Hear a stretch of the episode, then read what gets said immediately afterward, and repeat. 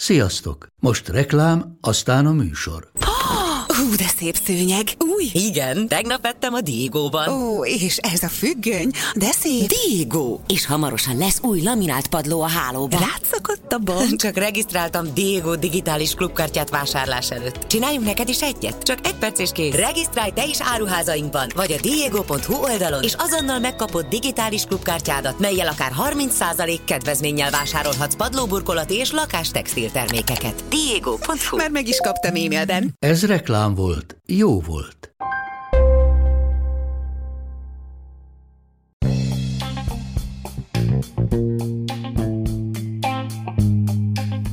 Ez itt a Pogi Podcast. Pogácsa Zoltán közgazdás, szociológus, politikai gazdaságtani podcastja a globális gazdaságról a klímaválság, az automatizáció, a digitális gazdaság, az egyenlőtlenségek és a posztdemokrácia korszakában.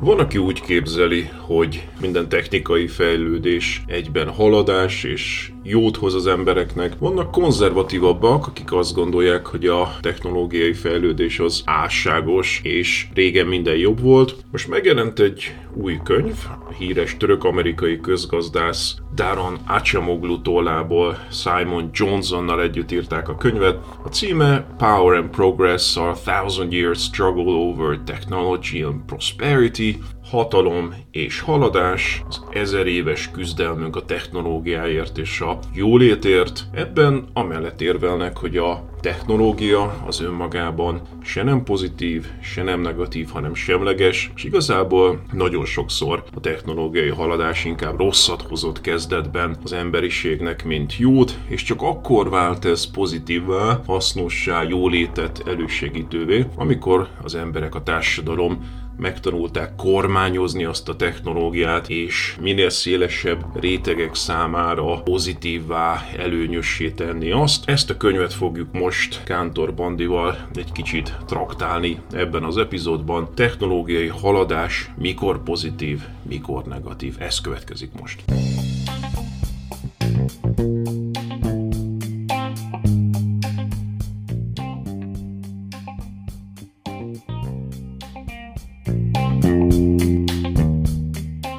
Technó vonalon fogjuk folytatni, mert a mai adásban is egy kicsit azt a témát boncolgatjuk tovább, amiről már korábban szó volt a tekóriások és az internet digitalizáció demokratizálása körül, és Pogácsa Zoli egy érdekes könyvet dobott be, aminek alapján megyünk, ez pedig nem más, mint az igen impozáns címet viselő Power and Progress című könyv, aminek ez a fő címe, és az alcíme az, hogy Our Thousand Years Struggle Over Technology and Prosperity, amit két amerikainak mondható most már közgazdász jegyez, Simon Johnson, hát ővele egyszerűen jártunk, mert könnyű a nevét kimondani, a másik pedig a török születésű, de most már amerikai közgazdász, akit úgy hívnak, hogy Darren és hát itt ugye ez a kérdés, hogy a másik nevét azt hogy mondják ki. Mi Acsamoglunak szoktuk mondani, leegyszerűsítve, ami már egy jobb kiejtés, mint ahogy sokszor az amerikaiak vagy világszerte, mert hallottuk már Asemoglunak, Akemoglunak, nagyon sok mindennek, de itt a felvétel előtt beszélgettünk, és te találtál egy még pontosabb török kiejtést. Hát igazából megnéztem nagyon sok helyen, hogy hogy kell kimondani neki a nevét. Kamer Deron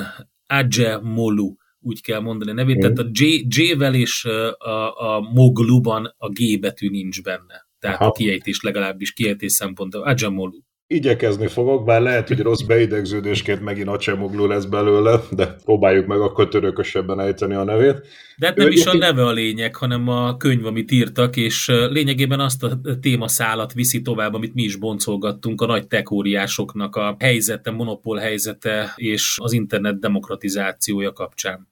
Igen, ő nem teljesen ismeretlen szerintem a magyar hallgatók és olvasók előtt, mert volt egy pár évvel ezelőtt egy nagyon híres könyve, amit rettentő sokat idéztek. Ez az Acemoglu Robinson könyv, ezt egy másik szerzőtársal írta.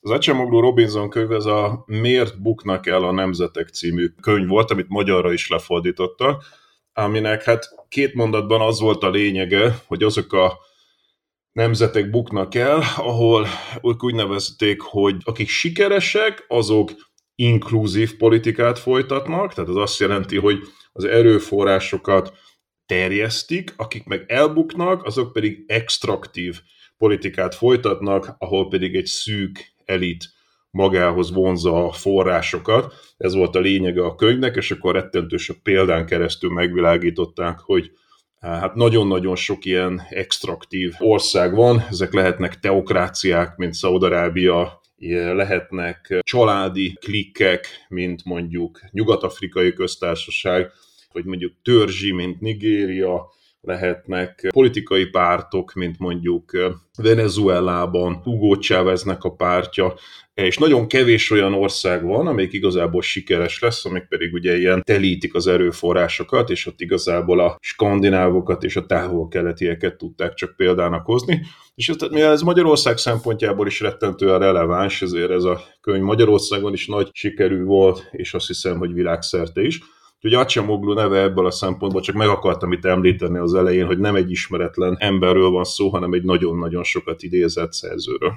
Ez a könyv, amiről most beszélünk, ezt én nem olvastam, csak egy rövid összefoglaló kritikáját, vagy egy, egy beszámolót róla de ha jól sejtem, akkor a hatását tekintve legalább pariban van ezzel az előző könyvvel. Én azt hiszem, hogy igen. Tehát én azt láttam, hogy Acsamoglu azt csinálja, hogy időnként hozzászól ezekhez a nagy vitákhoz, és egy olyan kardinális ponton szól hozzá, amelyik a viták szempontjából egészen más pályára állítja a, a beszélgetést vagy a vitákat. Tehát ugye az, hogy miért buknak el a nemzetek, ott régen a beszélgetéseink vagy a vitáink arról szóltak, hogy hát melyik a jó rendszer, és akkor ilyeneket mondtak az emberek, hogy a demokrácia, vagy a diktatúra, a szocialista rendszer, vagy a teokrácia, ilyen, ilyen formákat mondtak, és azt mondták, hogy nem ez a jó megközelítés, hanem ami összeköti ezeket, az az extraktív és inkluzív. Itt meg azt mondják, hogy ugye van egy nagy vita, ami arról szól, hogy a technológia fejlődése az mindig jó-e, vagy mindig rossz-e, techno-optimistáknak nevezik azokat, akik azt gondolják, hogy az csak jó lehet, és én azért azt hiszem, hogy a modernitással még mindig ez a zeitgeist, még mindig ez a legelterjedtebb nézet, hogy a fejlődés az előnyös mindenki számára, és jobb társadalmat hoz létre. A másik nézet az egy kicsit ez a konzervatív nézet, amelyik pedig ugye azt gondolja, hogy minden fejlődés rossz, mert régen minden jobb volt, és rossz irányba fejlődik a világ és hogy e között a két nézet között próbál valami harmadik álláspontot megfogalmazni, aminek hát akkor mondjuk ki, hogy mi a könyv lényege. A könyv lényegi mondása, hogy attól függ, hogy hogyan kormányozzák ezt a technológiát. Tehát önmagában a technológia, csak erre rengeteg példát hoz, hogy ugyanaz a technológia tud jó is lenni, rossz is lenni. A kérdés az az, hogy a társadalom hogyan kormányozza, nem tudok jobb szót, tehát governing az angol szó, és szerintem hasznos lenne a magyar, tehát nem, nem teljesen a szabályozás, mert tudom, hogy magyarul ezt szabályozásra lennénk hajlandóak fordítani, de szerintem a governing, a kormányzás az, az jobb szó, és nem véletlenül ezt használják, és nem a regulatinget az angolban. Szóval szerintem el kell kezdeni használni azt, hogy kormányozni kell a technológiát, bármennyire is furcsa hangzik az elsőre, és azt mondják, hogy akkor volt előnyös a technológia, hogyha jó irányba kormányoztuk, és akkor volt hátrányos, hogyha nem jó irányba kormányoztuk. Jó, hát ez egy kicsit így szerintem kínaiul hangzik sok mindenkinek, vagy, vagy nem egészen érti, miről van szó, tehát Szerintem, a, amit én olvastam legalábbis, az pont azért rímel arra, amiről mi beszélgettünk, hogy a nagy tech cégek mennyire tudnak, hát ők mennyire viszik a kormányzó szerepet, és mi mennyire tudunk beleszólni ebbe az egészben, és hogy attól függ majd az egész emberiség, meg hát államok sorsa is akár, hogy mennyire tudja demokratizálni ezt az új tudást, ezt az új technológiát. Ez a kifutása a történetnek, tehát valóban végigolvassa az ember, akkor kiderül, hogy azért írták, hogy figyelmeztessenek arra, hogy a, a digitális technológiák sem önmagukban jók vagy rosszak, hanem azt is bizony kormányozni kell, és hogy sok szempontból veszélyes irányba indultunk el a digitális technológiákkal. Szerintem majd erre is kitérhetünk, de szerintem érdemes egy pár szót arról is szólni, hogy milyen példákat hoznak a korábbi korszakok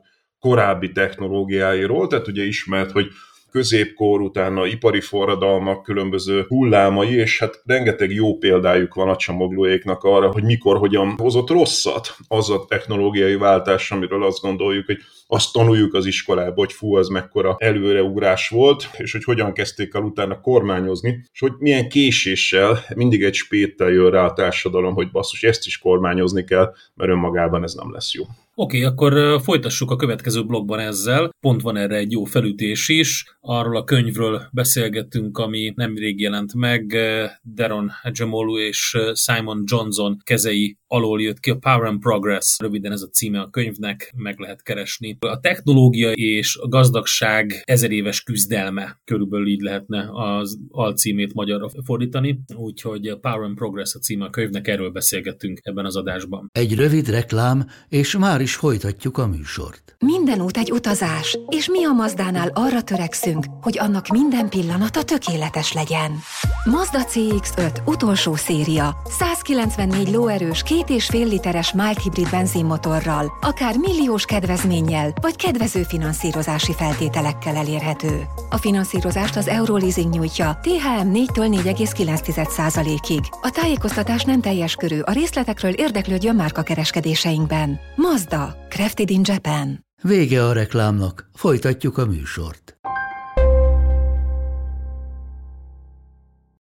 és egy nagyon érdekes felvetés van, mégpedig rögtön az elején annak a cikknek, amit olvastam, a kritikának, a könyv kritikájára, ugye, ami George Santayana, amerikai filozófusnak a, a mondata, ugye, hogy, vagy gondolata, hogy azok, akik nem emlékeznek a múltra, azok arra vannak átkozva, hogy megismételjék tehát hogy a múlt hibáit. És ez tök érdekes, amit te mondtál, hogy a technológia és a digitalizáció kapcsán sok olyan múltbéli dolgot hoz fel a szerzőpáros, ami alapján azt valószínűsíti, hogy a technológiával is ugyanúgy fogunk járni. Igen, és akkor, hogyha ha szabad, akkor mondok pár ilyet azok közül, amiket Acemogluék is felhoznak. Visszamennek ők egészen az ókorig és a mezőgazdaság kezdete, meg aztán a középkor, de én ilyen messzire nem mennék vissza, mert minél messzebb vagyunk, ez annál távolabbi a ma emberének. Tehát az iskolába tanuljuk a nagy földrajzi felfedezéseket és az ipari forradalmat, mint abszolút pozitív dolgot, tehát szerintem kevesen vagyunk, akik az iskolában ne azt tanulták volna, hogy milyen marha jó volt, hogy az európai ember föltalált olyan hajókat, amivel körül tudta hajózni Afrikát,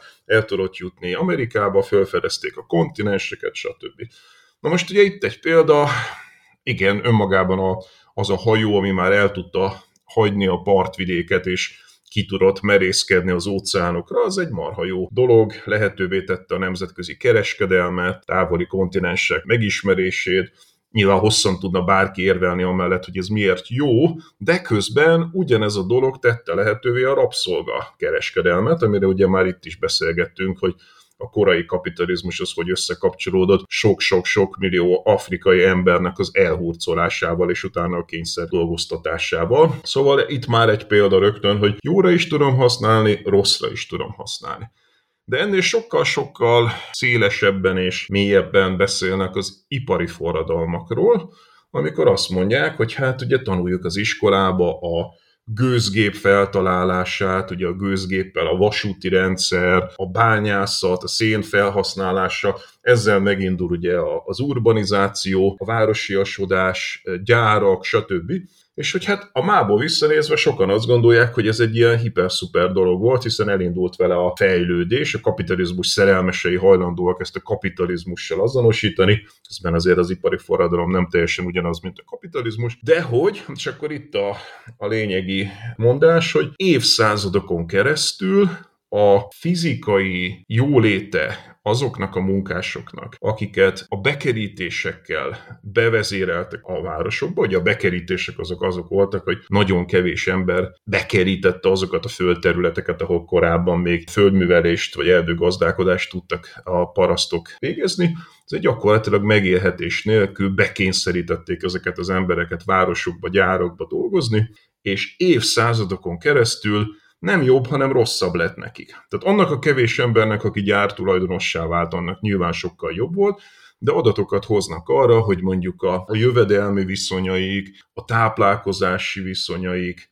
a lakhatási helyzetük, az egészségi állapotuk, ezeknek a oda kényszerített embereknek bizony nem javult egészen a 19. század közepéig, miközben ugye a technológia ezt lehetővé tette volna, mert a termelékenység az nem kétszeresére, háromszorosára nőtt a gőzgépekkel meg a szén felhasználásával, hanem csomó példát hoznak, 3-400 szorosára emelkedett, tehát bőven lehetőség lett volna, hogy ezeknek az embereknek a fizikai jóléte is 400-szorosára emelkedett volna, de még csak két-háromszorosára sem emelkedett, mert annyira igazságtalanul kizsákmányoló volt ez a helyzet, hogy ez az, amit úgy szoktunk hívni, hogy a Dickensi kapitalizmus korszaka, Ugye mindenki ismeri ezt a sztorit, hogy 12-en aludtak egy szobában, az a szoba az salétromos volt, mások aludtak nappal ugyanazon az ágyon, mint éjszaka, nyomor volt, nem voltak szabályozva a munkaórák, tehát 12-13 órákat is dolgoztatták az embereket,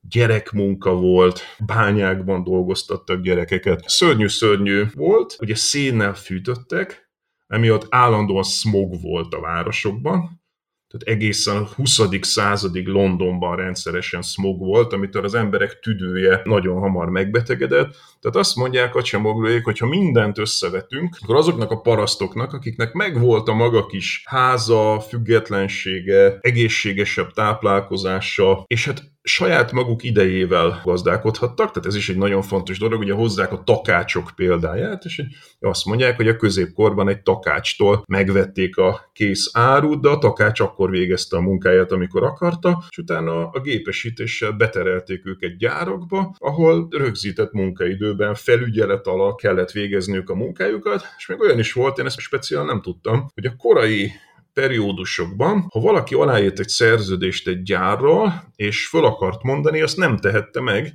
tehát több évszázadokon keresztül harcolni kellett még azért a jogér is, hogy valaki fölmondhasson, mert egy, egy aláírt munkaszerződés esetén akár még hónapokon keresztül is arra kényszeríthették azt az illetőt, hogy járjon be dolgozni. Szóval valami döbbenetesen rosszabb lett a helyzete az embereknek, és nem pedig jobb az ipari forradalommal. Oké, okay, de tudod, hogy ez a vita az a nagyjából ugyanaz, amit a szakócáról, meg a kalapácsról, meg a pisztolyról mondanak, hogy a technológia önmagában fejlettebb stádiumú eszköz, tehát az ember az, aki meghatározza, hogy ez a technológia, ez mire használható. És itt van a 20. század, ahol ugye még durvább dolgokat tudtunk bevetni a gazdaság működése érdekében, ugye ez már a, a gázok, a fegyverek, az atomtechnológia időszaka, és ugyanaz a folyamat, amivel műtrágyát tudtunk előállítani, az az első világháborúban már a harci gázok előállítására is lehetőséget teremtett. Ugyanazok a vonatok,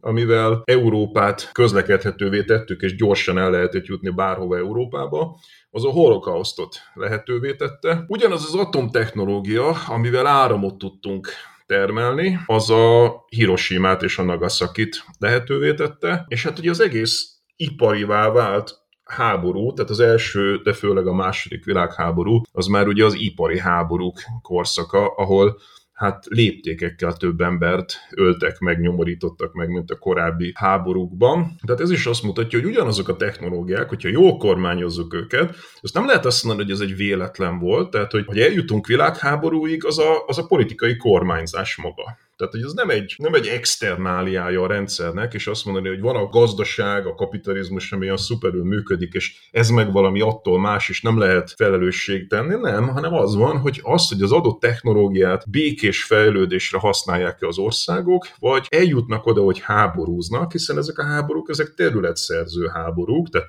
az első világháború közismerten azért tört ki, mert egymás területeit és gyarmatait akarták elhódítani az országok, és a második világháború is azért tört ki, mert Németország ugye meghódította Lengyelországot, és szeretett volna minél távolabb eljutni keletre is, meg nyugatra is.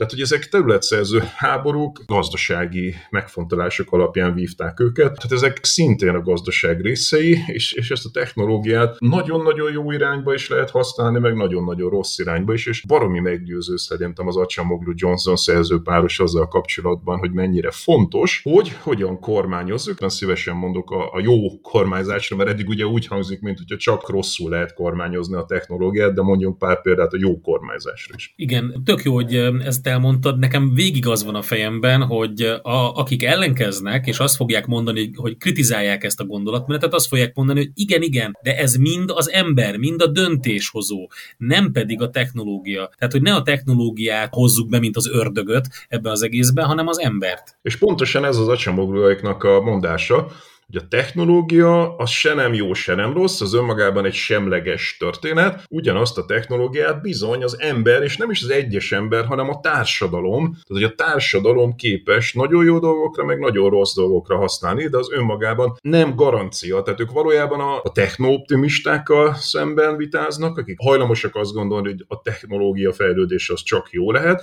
de bizonyos értelemben vitáznak ők a konzervatívokkal is, akik meg azt gondolják, hogy régen minden jobb volt. Tehát, hogy lehet mondani példákat, ha jól használjuk arra is, hogy tényleg jobb lesz dolog, de arra is, hogy rosszabb lesz. A könyv, amiről beszélgetünk, magyarul még nem jelent meg, tudtommal, angolul pedig a címe az, hogy Power and Progress, Our Thousand Year Struggle Over Technology and Prosperity, Deron Ejamolu és Simon Johnson jegyzi, tehát az ezer éves küzdelmünk a technológia és a gazdagság megszerzéséért. Hatalom... Gyönyörűen ejted a nevét, én nem fogom tudni ezt. Agemolu.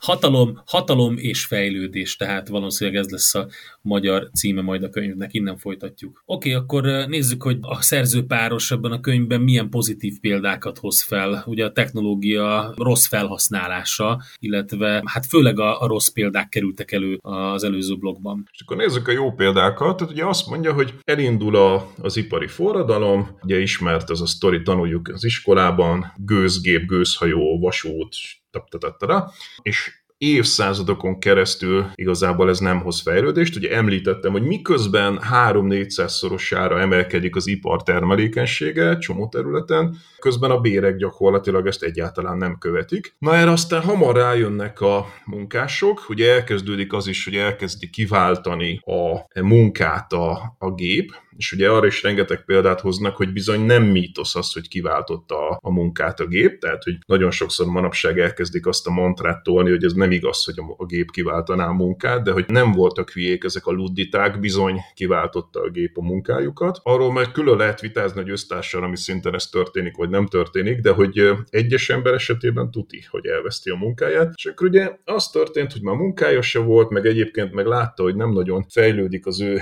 fizikai jóléte, miközben nagyon-nagyon szűk elit viszont nagyon-nagyon jól él, akkor elkezdtek ezzel ellen lázodni. És ez azt olyan formákat öltött, a szakszervezetek. A szakszervezetek azok be voltak tiltva, konkrétan a rendőr lelőtt a téren, hogyha szakszervezetet alapítottál, vagy tüntettél, vagy sztrájkoltál, és a munkások akik mondom 12-en aludtak egy szobában, és 14 órákat dolgoztak, mégis kimentek és csináltak ilyen szakszervezeteket, és kiharcoltak, és akkor itt egy nagyon-nagyon hosszú lista következik, hogy miket, meg megalapították a szociáldemokrata pártokat, kiharcolták az általános választójogot, tehát Ugye ez is egy ilyen mítosz, hogy a, a demokrácia és a kapitalizmus, vagy a demokrácia és a, az ipari forradalom azok összefüggnének, és döbbenetesen értelmes emberek is azt gondolják, hogy, a, hogy ezek összefüggő dolgok, miközben évszázadokon keresztül nem volt semmifajta demokrácia, miközben már réges-régen volt kapitalizmus és ipari forradalom, de ez csak a 19. század második felének a története, tehát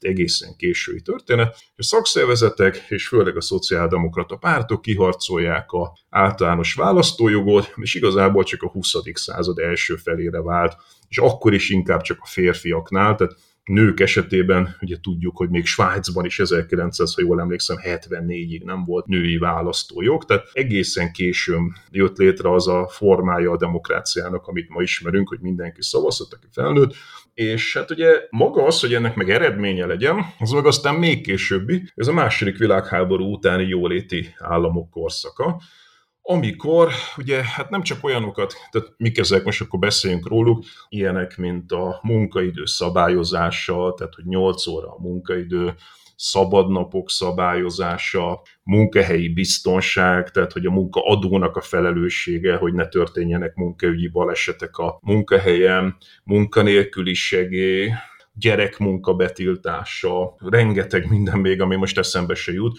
Tehát az összes ilyen intézkedés, és akkor utána ugye a jóléti állam, ahol aztán lehetővé teszik, hogy tanuljanak az emberek, és rengeteg minden más még, az igazából a második világháború utáni pár évtized, és hát ugye minimálbérszabályozás, kollektív szerződések megkötésének a lehetősége, és ez az egyetlen periódus, és ezt ugye nem kell ehhez nekünk Acsamogló és Johnson, mert ezt mondjuk Piketty-től is tudjuk, meg másoktól is, hogy az egyetlen időszak, amikor a termelékenység emelkedését követte a bérek emelkedése, az a második világháború utáni időszak volt. Tehát a jóléti államnak a 50-es, 60-as, 70-es évekbeli időszaka volt. Egyedül a kapitalizmus történetében, amikor a bérek követték a termelékenységet, sem előtte, sem utána, tehát ugye ami utána jön, 70-es évek végétől jön a neoliberalizmus korszaka, Pinochet, Thatcher, Reagan, Blair, stb. stb. Schröder ekkor megint nem követi már a bérek emelkedése a termelékenységet, meg előtte sem, de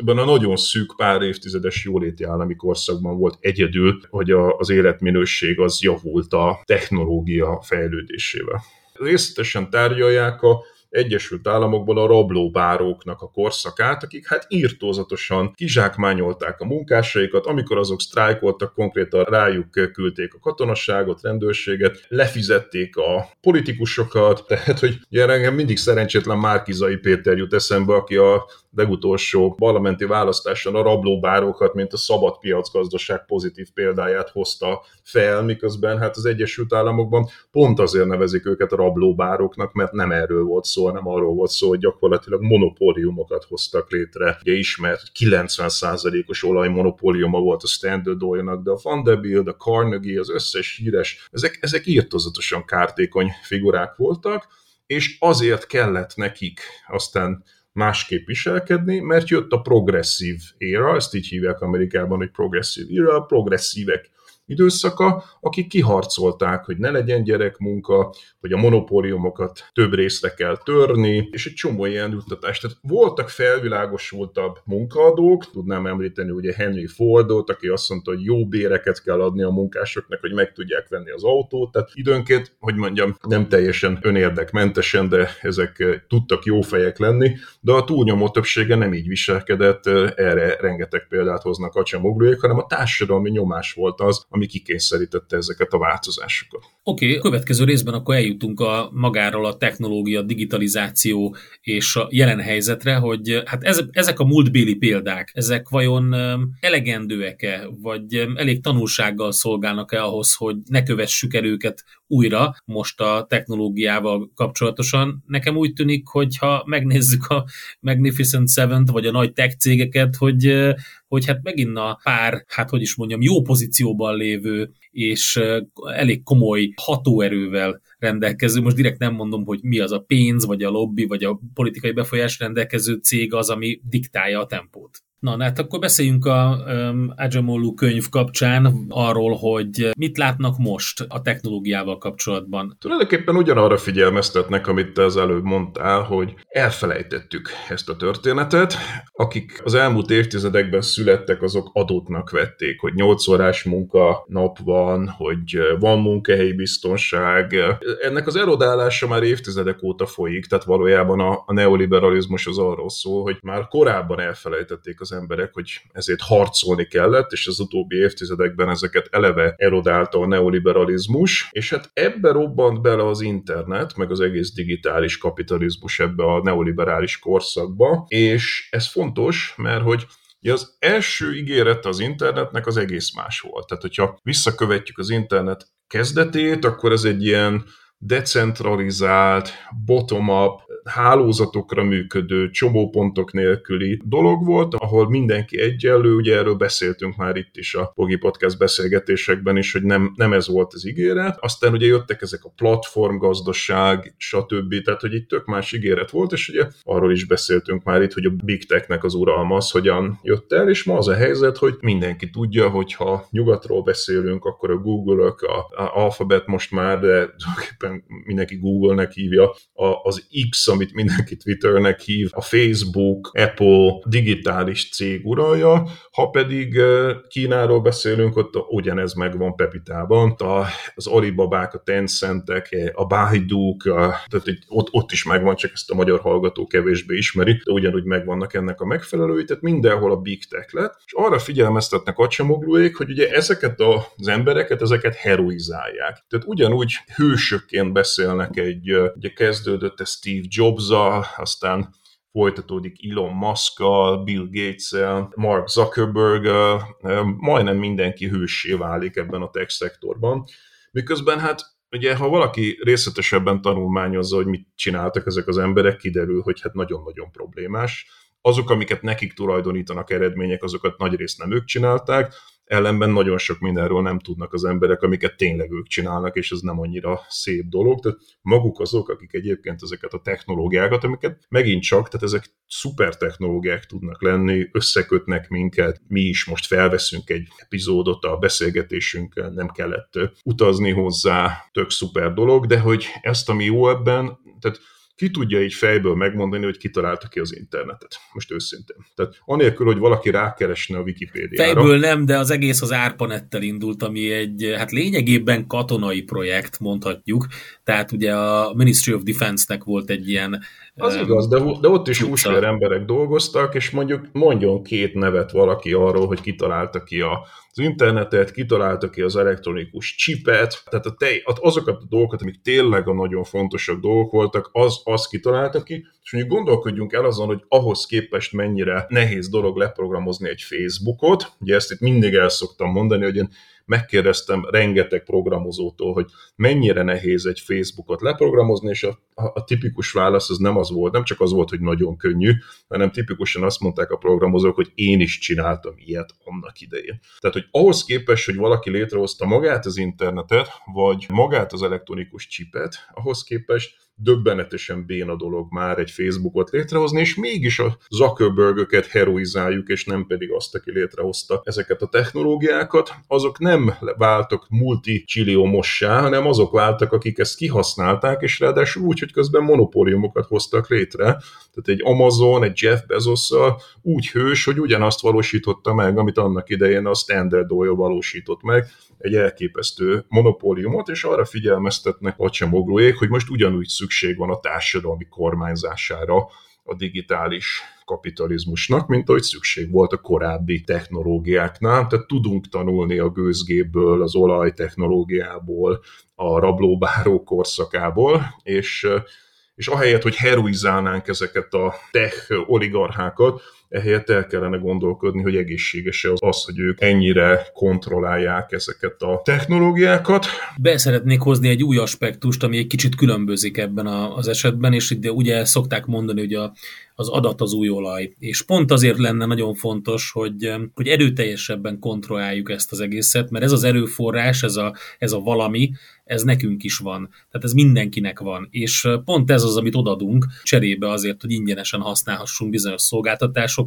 Annak a kontrollja, hogy ezzel az adattal, ami a tied, ezzel mit csinálsz, ez valójában ez lenne jó, ehhez kéne a Web3 és a blockchain technológia, hogy ennek a transzparens, jól lekövethető és, és decentralizált kontrollja, ez mindig a felhasználónál legyen, csak az a helyzet, hogy ezzel nincs tudatában a 99,9 százalék. És aki tudatában van, az is nagyon nehezen tudja megvalósítani. Tehát ugye itt említetted a blokklánc technológiát, tehát a legjobb példa arra, hogy a blokklánc technológiának itt van ez az óriási ígérete, hogy akkor ez egy decentralizált valami lesz, de az ember elkezdi nézni, hogy hol kezdték el használni a blokklánc technológiát, akkor belefut abba, hogy állandóan eh, mégiscsak centralizáció lesz belőle. Tehát az az ökoszisztéma, ami a kriptó körül fölépült, és ami újra és újra és újra koncentrációhoz vezet. Ugye legelején már egy Mount Gox nevű kriptoplatformon összpontosult 90% a bitcoin kereskedésének, és meghekkelték és ellopták. Tavalyi évnek a slágersztória volt az FTX, ugye Sam Bankman-Fried, és hossza lehetne sorolni újra és újra és újra olyan koncentrációk jönnek létre, amelyek még a blokklánc ellenére is túlhatalomhoz vezetnek Igen, csak itt a, tehát a blokklánc, mint technológia megjelenik a, a, a kriptovalutának a működési mechanizmusában. Nem abban jelenik meg, hogy hogyan követed nyomon, és hogyan ellenőrzöd az adat felhasználásodat. Tehát, ez a, tehát ezt a technológiát ugye még nem használjuk erre. De azt mondaná erre Ocsamoglu, hogy a blokklánc ez megint egy technológia, tehát ez ugyanolyan, mint a, a hajó, amivel rabszolgákat is tud szállítani, meg tudom én, nemzetközi kereskedelmet, és ez ugyanolyan, mint a, a vasút, amivel el tudsz jutni Budapestről Párizsba, de el tudsz vinni 6 millió zsidót a haláltáborokba. Ugyanez a helyzet, hogy a blokklánc is egy teljesen semleges történet, és nagyon jó és nagyon rossz dolgokra is lehet használni, azt is kormányozni kell, annak is ki kell találni a, a kormányzási formáit, és jelenleg ez egyáltalán nincsen kitalálva, tehát ezek ma már globális cégek, nemzetek fölötti cégek, és közel se vagyunk ahhoz, hogy valami fajta kormányzási formáról beszélgessünk, hogy ez hogyan kellene, nem az van helyette, hogy rábízzuk ezekre a technooligarchákra, és akkor itt ugye a Acsamoglóék nagyon jó példája, Ferdinand Lesseps, aki ugye a Suezi csatornát csinálta, és hát ugye elmesélik azt a sztorit, hogy tök szuper módon megszervezte a Suezi csatornát, óriási siker lett, és innentől fogva olyan reputációja lett ennek a, az alaknak, hogy onnantól fogva mindenben az ő szava döntött, és hát megpróbálta megcsinálni a Panama csatornát, ami egyrészt egy hatalmas bukta lett, és rengeteg ember meghalt, mert hogy az, hogy egyszer valaki valamit megcsinált, abból nem kell arra a következtetésre jussunk, hogy akkor onnantól fogva, tehát továbbra is szükség van a társadalmi kormányzására a technológiának, és nem igaz az, hogy ilyen nagy individumok a, a géniuszára kellene utalódnunk, főleg, hogy mondjuk Lesseps esetében legalább ő teljesített valamit, de szerintem nagyon sok ilyen digitális oligarha esetében még annyi teljesítmény sincsen, mint a Suezi csatorna. Akinek nem derült volna még kezelőző adásokból nagy ellenzője a digitális oligarcháknak Pogács Zoli. Szerintem egyébként Mindenfajta ilyen... oligarcháknak tegyük hozzá. I- igen, szerintem inkább ilyen nem, nem hősként kezeljük őket. Van, aki egyébként Elon Musk Muskot tényleg egy ilyen vizionárius hősnek gondolta például, de szerintem inkább ilyen az elismerés az, ami, ami egyébként pontosan rímel azokra, mondjuk azokra a média mágnásokra, amilyen volt mondjuk William Randolph Hearst is például, vagy még számtalan ilyen média mágnás, vagy Rupert Murdoch, akkor az volt a nagy boom, a média, és, és akkor az abból csinált óriási bizniszt, és lett milliómos, és ezt is ismerik el. Pontosan tudjuk, hogy ezek mennyire kártékony figurák voltak. Tehát egy, egy Robert Maxwell, egy Rupert Murdoch, ezek ma már tök ismert módon rettentően kártékony figurák, és azt hiszem, hogy az a lelkesedés, amit nagyon nyilván külön epizódot érdemelne Elon Musk, mert ebből a csapatból is messze kiri, de hát a túlnyomó többsége annak, amit csinál, amiről egy nagyon sok ember azt gondolja, hogy ez valami forradalmian jó, ez valójában sokkal több kárt okoz, mint amit, mint amit megoldana. Oké, okay, legyen akkor majd egy ilyen külön Musk bashing epizód is, de most arról a könyvről beszélgettünk, ami most jelent meg, Deron Acemoglu és Simon Johnson tollából Power and Progress, Our Thousand Year Struggle Over Technology and Prosperity, ez a címe, angolul jelent még meg egyelőre, érdemes utána nézni, minden esetre Pogács Zoli bemutatta, hogy mi a két közgazdász véleménye arról, hogyha nem tanulunk a múlt történelmi hibáiból. És, és az üzenet az nem az, hogy a technológiát meg kell állítani, hanem az üzenet az pontosan az, hogyha nem ilyen koncentráltan hagynánk a technológiát fejlődni, akkor egyébként sokkal jobbat tenne egy csomó általában az embereknek. Így is van. Várunk akkor hozzászólásokat a Pogi Podcast Facebook oldalán. Köszönjük szépen a figyelmet. Köszönjük szépen.